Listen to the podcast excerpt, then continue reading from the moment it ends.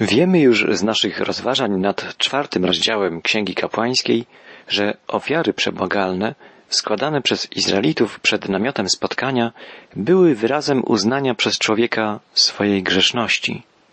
Były gestem przyznania się przed Bogiem, że z powodu grzesznej natury nie jesteśmy w stanie żyć bez popełniania grzechów. Piąty rozdział Księgi Kapłańskiej opisuje ofiary zadośćuczynienia, ofiary składane w związku z popełnieniem jakiegoś konkretnego wykroczenia. Mówiliśmy już o tym, że te dwa rodzaje ofiar, ofiary przebłagalne i ofiary zadośćuczynienia, wskazują na dwa aspekty naszej grzeszności. Ponieważ grzeszymy, jesteśmy grzesznikami, to pierwsza prawda o nas, a po drugie, mamy grzeszną naturę i dlatego grzeszymy. Dlatego jesteśmy grzesznikami. Te dwa fakty dotyczące naszej grzeszności są oczywiście ściśle ze sobą związane. Powtórzmy, ponieważ grzeszymy, jesteśmy grzesznikami. Po drugie, mamy grzeszną naturę i dlatego grzeszymy. Wyobraźmy sobie drzewo, które rodzi złe owoce. Możemy je przycinać, szczepić, żeby je uszlachetnić. Gdy to nie pomaga, siekierę trzeba przyłożyć do korzeni. Całe drzewo wraz ze swoją złą naturą musi być wycięte. Możemy więc ingerować, mówiąc obrazowo, w strefie owoców i korzeni. Odnosząc to do naszej sytuacji jako grzeszników, możemy powiedzieć, że jesteśmy przez Boga korygowani, przycinani w sferze naszych czynów, słów i myśli. Ale generalnie wykorzeniona musi zostać nasza zła natura. Zapłatą za grzech jest śmierć. Musielibyśmy więc wszyscy zginąć, potępieni przez świętego Boga. Nasz Pan, który jest miłością, znalazł jednak w swej wielkiej łasce ratunek dla nas. Posłał nam swego Syna, Jezusa Chrystusa, aby On umarł za nas, by poniósł karę za nasze grzechy. Jako jedyny bowiem był On doskonały, i nie musiał umrzeć z powodu swoich grzechów, bo ich nie popełnił. Umarł więc za nas jako zastępcza ofiara. Oddał dobrowolnie swoje życie, umierając mimo swej niewinności. Nasza grzeszna natura może być ukrzyżowana wraz z Chrystusem. Kiedy tak się dzieje? Dzieje się tak wtedy, gdy z wiarą i zaufaniem zwracamy się do Jezusa z prośbą o ratunek, o wybawienie, o odkupienie. Jezus staje się wtedy naszym Zbawicielem i Panem. Żyjemy odtąd nowym życiem, pod przykryciem krwi Bożego Baranka. To właśnie wydarzenie zapowiadają ofiary przebłagalne i ofiary zadośćuczynienia, zadośćuczynienia za grzech. Wskazują bowiem na dzieło Jezusa na krzyżu i na nasze zbawienie. Mówią o Bożym rozwiązaniu problemu naszej grzeszności, naszej grzesznej natury. Mówią o Bożym ratunku, o wybawieniu nas zarówno z więzów naszej grzesznej natury, jak i z przekleństwa popełniania grzechów, stałego grzeszenia na co dzień. Bóg bardzo wyraźnie mówi nam, że niemożliwe jest ratowanie nas na podstawie naszej własnej sprawiedliwości, w oparciu o nasze dobre czyny. Jesteśmy wszyscy niedoskonali. Wszyscy popełniamy wykroczenia przeciwko Bogu w naszych czynach, w naszych słowach, w sferze myśli. Nie możemy być zbawieni dzięki swoim wysiłkom. Nasza sprawiedliwość jest niewystarczająca, choćbyśmy nie wiem jak się starali. Nasza własna sprawiedliwość jest jak splugawiona szata, czytamy w Biblii. Bóg nie może zbawić nas na podstawie naszych dobrych czynów. Zbawia nas poprzez swoją niezmierzoną łaskę i miłość. Niemożliwe jest, by człowiek swoją prawością zadowolił Boga. Ci, którzy żyją według ciała, czytamy w liście apostoła Pawła do Rzymian, Bogu podobać się nie mogą, a to dlatego, że dążność ciała wroga jest Bogu. Nie podporządkowuje się bowiem prawu Bożemu, ani nawet nie jest do tego zdolna. Nasze zbawienie to dzieło Ducha Świętego, dzieło Ducha Bożego, Ducha Chrystusowego. Gdy Jezus przebywał na ziemi, przywódcy religijni zadali mu pytanie: Cóż mamy czynić, abyśmy wykonywali dzieła Boże? Jezus odpowiedział im: Na tym polega dzieło zamierzone przez Boga, abyście uwierzyli w tego, którego On posłał. Te słowa Jezusa zapisane są w Ewangelii Jana w szóstym rozdziale, dwudziestym ósmym wierszu. Podobnie odpowiedzieli apostołowie. W dziejach apostolskich czytamy Uwierz w Pana Jezusa Chrystusa, a będziesz zbawiony. Tak, my, grzesznicy, możemy być zbawieni jedynie dzięki wierze, wierze w Jezusa Chrystusa, Bożego Syna. Pora by zajrzeć do naszego dzisiejszego tekstu starotestamentowego. Piąty rozdział Księgi Kapłańskiej, czyli trzeciej Księgi Mojżeszowej, rozpoczyna się od opisu poszczególnych wykroczeń, za które trzeba złożyć ofiarę zadośćuczynienia. Chodzi tu o grzechy popełnione nieumyślnie. Nie jest to oczywiście wyczerpująca lista takich grzechów, ale specyficzne przykłady nieskończonej liczby grzechów popełnianych przez człowieka. Jak zauważymy, większą uwagę tekst poświęca opisaniu zadośćuczynienia za przewinienie niż samemu przewinieniu. Tekst kładzie akcent na rodzaj składanej ofiary, a nie na osobie ofiarodawcy, tak jak to było w przypadku składania ofiar przebłagalnych. Przeczytajmy pierwszy wiersz piątego rozdziału Księgi Kapłańskiej. Jeżeli kto zgrzeszy przez to, że usłyszawszy zaklęcie i mogąc zaświadczyć o przestępstwie, które widział lub znał, nie uczyni tego, w ten sposób zawini. Zwróćmy uwagę jeszcze raz na fakt, że tekst biblijny mówi tu o wykroczeniu przykładowym. Gdyby Duch Święty miał tutaj zamieścić pełną listę grzechów człowieka, wypełniłaby ona co najmniej wszystkie pozostałe rozdziały Księgi Kapłańskiej. Słowa jeżeli kto zgrzeszy przez to, że usłyszawszy zaklęcie nie zaświadczy o tym, dotyczą sytuacji, w której ktoś jest świadkiem podjęcia przez kogoś innego zobowiązania o charakterze przysięgi, wymierzonej przeciw osobie trzeciej. Jeżeli świadek tego rodzaju zaprzysiężenia nie ostrzeże osoby, która może odnieść z tego powodu uszczerbek, może ponieść krzywdę, to jest to grzech zaniedbania owego świadka. Dzisiaj wielu ludzi popełnia grzech zaniedbania. Wolimy nieraz nie wtrącać się w czyjeś sprawy, nie reagować na krzywdę, na krzywdę wyrządzaną nieznajomym i znajomym, ludziom anonimowym i dobrze nam znanym, sąsiadom, krewnym, nawet najbliższym. Chorobą naszych czasów jest tak zwana znieczulica albo tłumiwisizm. W liście apostoła Jakuba czytamy w czwartym rozdziale Kto zaś umie dobrze czynić, a nie czyni, grzeszy. Wyobraźmy sobie taką sytuację. Dyrektor przedsiębiorstwa w czasie przerwy obiadowej wychodzi na ulicę, żeby zjeść obiad w pobliskiej restauracji. Jego sekretarka w tym samym czasie opuszcza zakład, żeby zrobić zakupy w sklepie znajdującym się naprzeciwko. Gdy przechodzi przez ulicę, zostaje potrącona przez samochód. Jej szef z pracy, widząc co się stało, biegnie, żeby jej pomóc.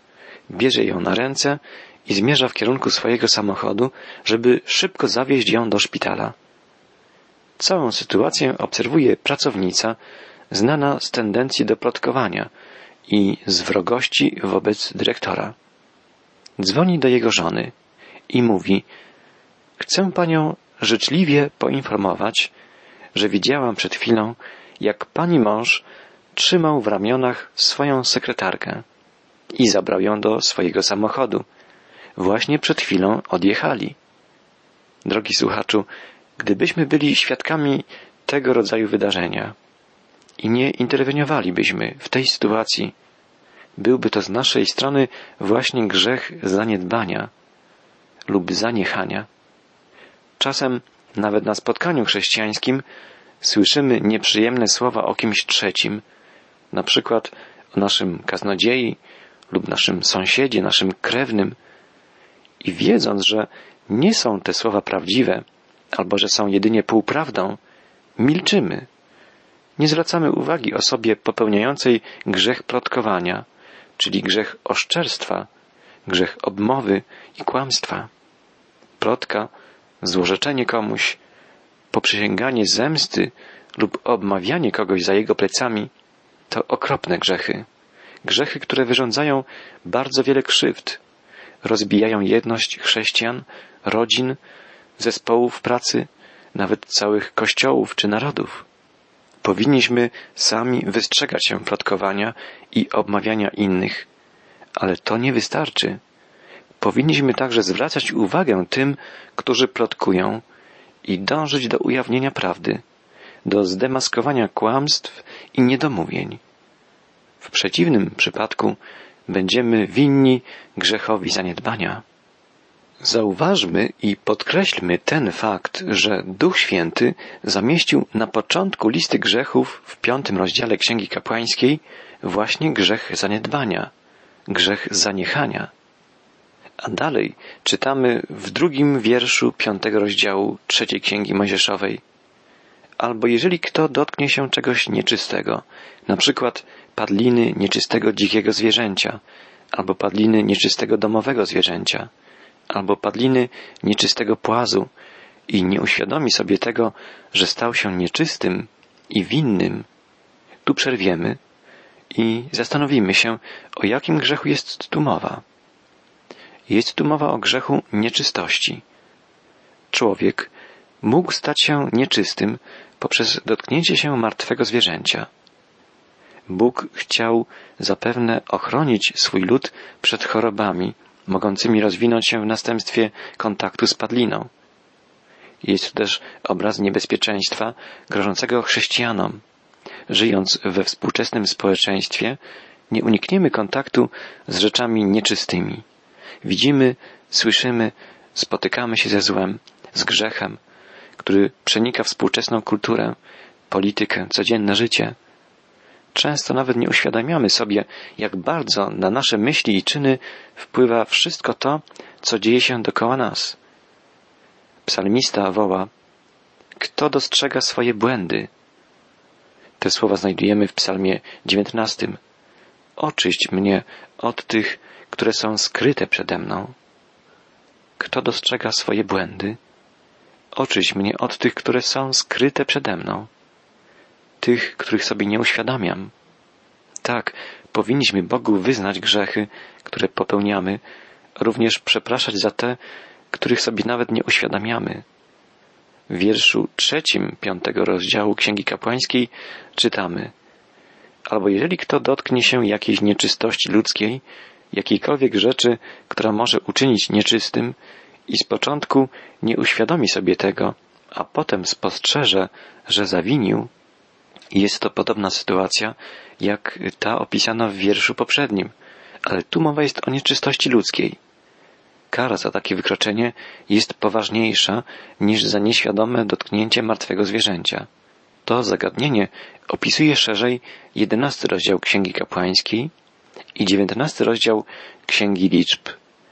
A tutaj w rozdziale piątym czytamy dalej – Albo jeżeli kto przysięga, mówiąc lekkomyślnie wargami, na zło albo na dobro, tak jak to bywa, że człowiek lekkomyślnie przysięga i z początku nie uświadamia sobie tego, a potem spostrzeże, że zawinił przez jedną z tych rzeczy, tak, czasem zupełnie bezwiednie i niepotrzebnie przysięgamy na coś, często składamy obietnice, których nie dotrzymujemy.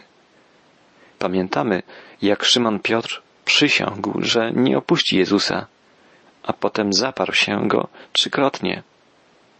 Tragiczną postacią człowieka, który złożył niepotrzebną, nieprzemyślaną przysięgę, był Jefta. W konsekwencji stracił własną córkę.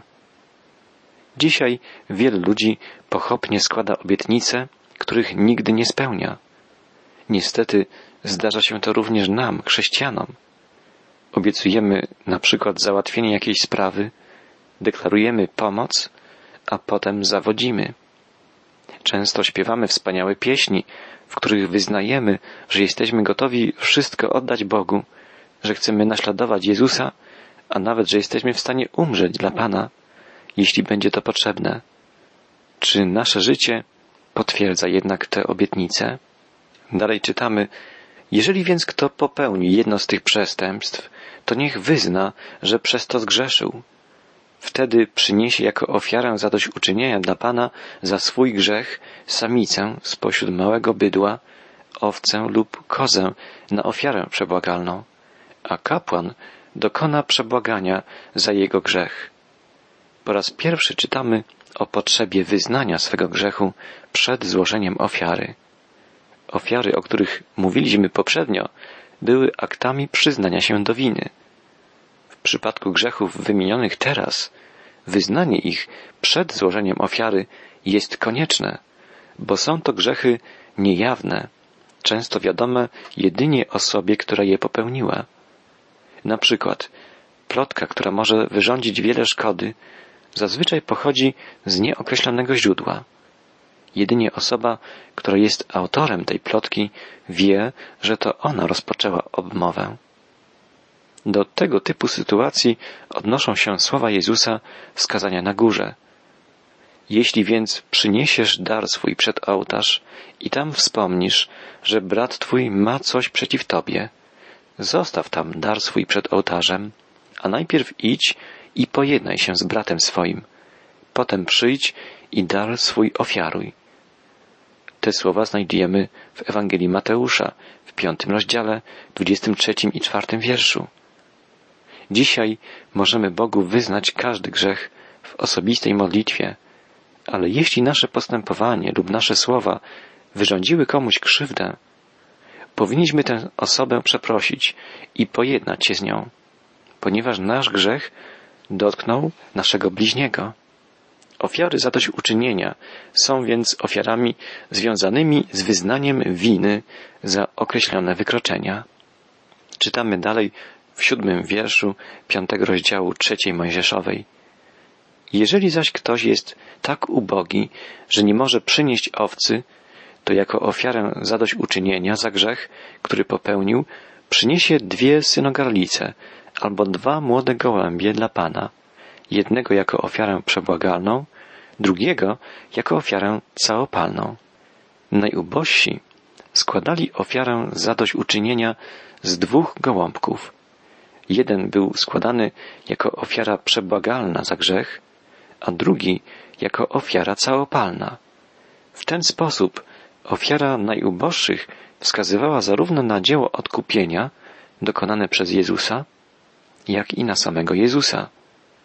Jest to wyraz wielkiej miłości i troski Pana o ubogich. Przyniesie ją kapłanowi, czytamy dalej, a ten ofiaruje najprzód tego gołębia, który jest przeznaczony na ofiarę przebłagalną. Ściśnie jego główkę przy karku, ale jej nie oddzieli. Potem pokropi ścianę ołtarza krwią ofiary przebłagalnej. Reszta krwi będzie wyciśnięta na podstawę ołtarza. To jest ofiara przebłagalna. Krew musi być przelana, mimo że główka ptaka nie zostanie oddzielona. Drugiego gołębia złoży jako ofiarę całopalną według zwyczaju. W ten sposób kapłan dokona przebłagania za grzech, który tamten popełnił i będzie mu grzech ten odpuszczony. Grzesznik otrzyma całkowite przebaczenie, mimo że ofiara z gołąbków jest bardzo skromną ofiarą. Widzimy tu pełny obraz Bożej łaski, łaski Boga Ojca, poświęcającego swojego Syna w ofierze za nas, za nas wszystkich, i za bogatych, i za ubogich, za ważnych w naszej ludzkiej ocenie, i za tych najmniej ważnych według nas. Dla Boga jesteśmy wszyscy jednakowo cenni. W jedenastym wierszu piątego rozdziału czytamy Jeżeli zaś kto jest tak ubogi, że nie może ofiarować nawet dwóch synogarlic albo dwóch młodych gołębi, to przyniesie na dar ofiarny za grzech dziesiątą część efy najczystszej mąki jako ofiarę przebłagalną, ale nie poleje jej oliwą, ani nie położy na niej kadzidła, bo to jest ofiara przebłagalna. Nawet najbiedniejsi z biednych mogli złożyć ofiarę zadośćuczynienia.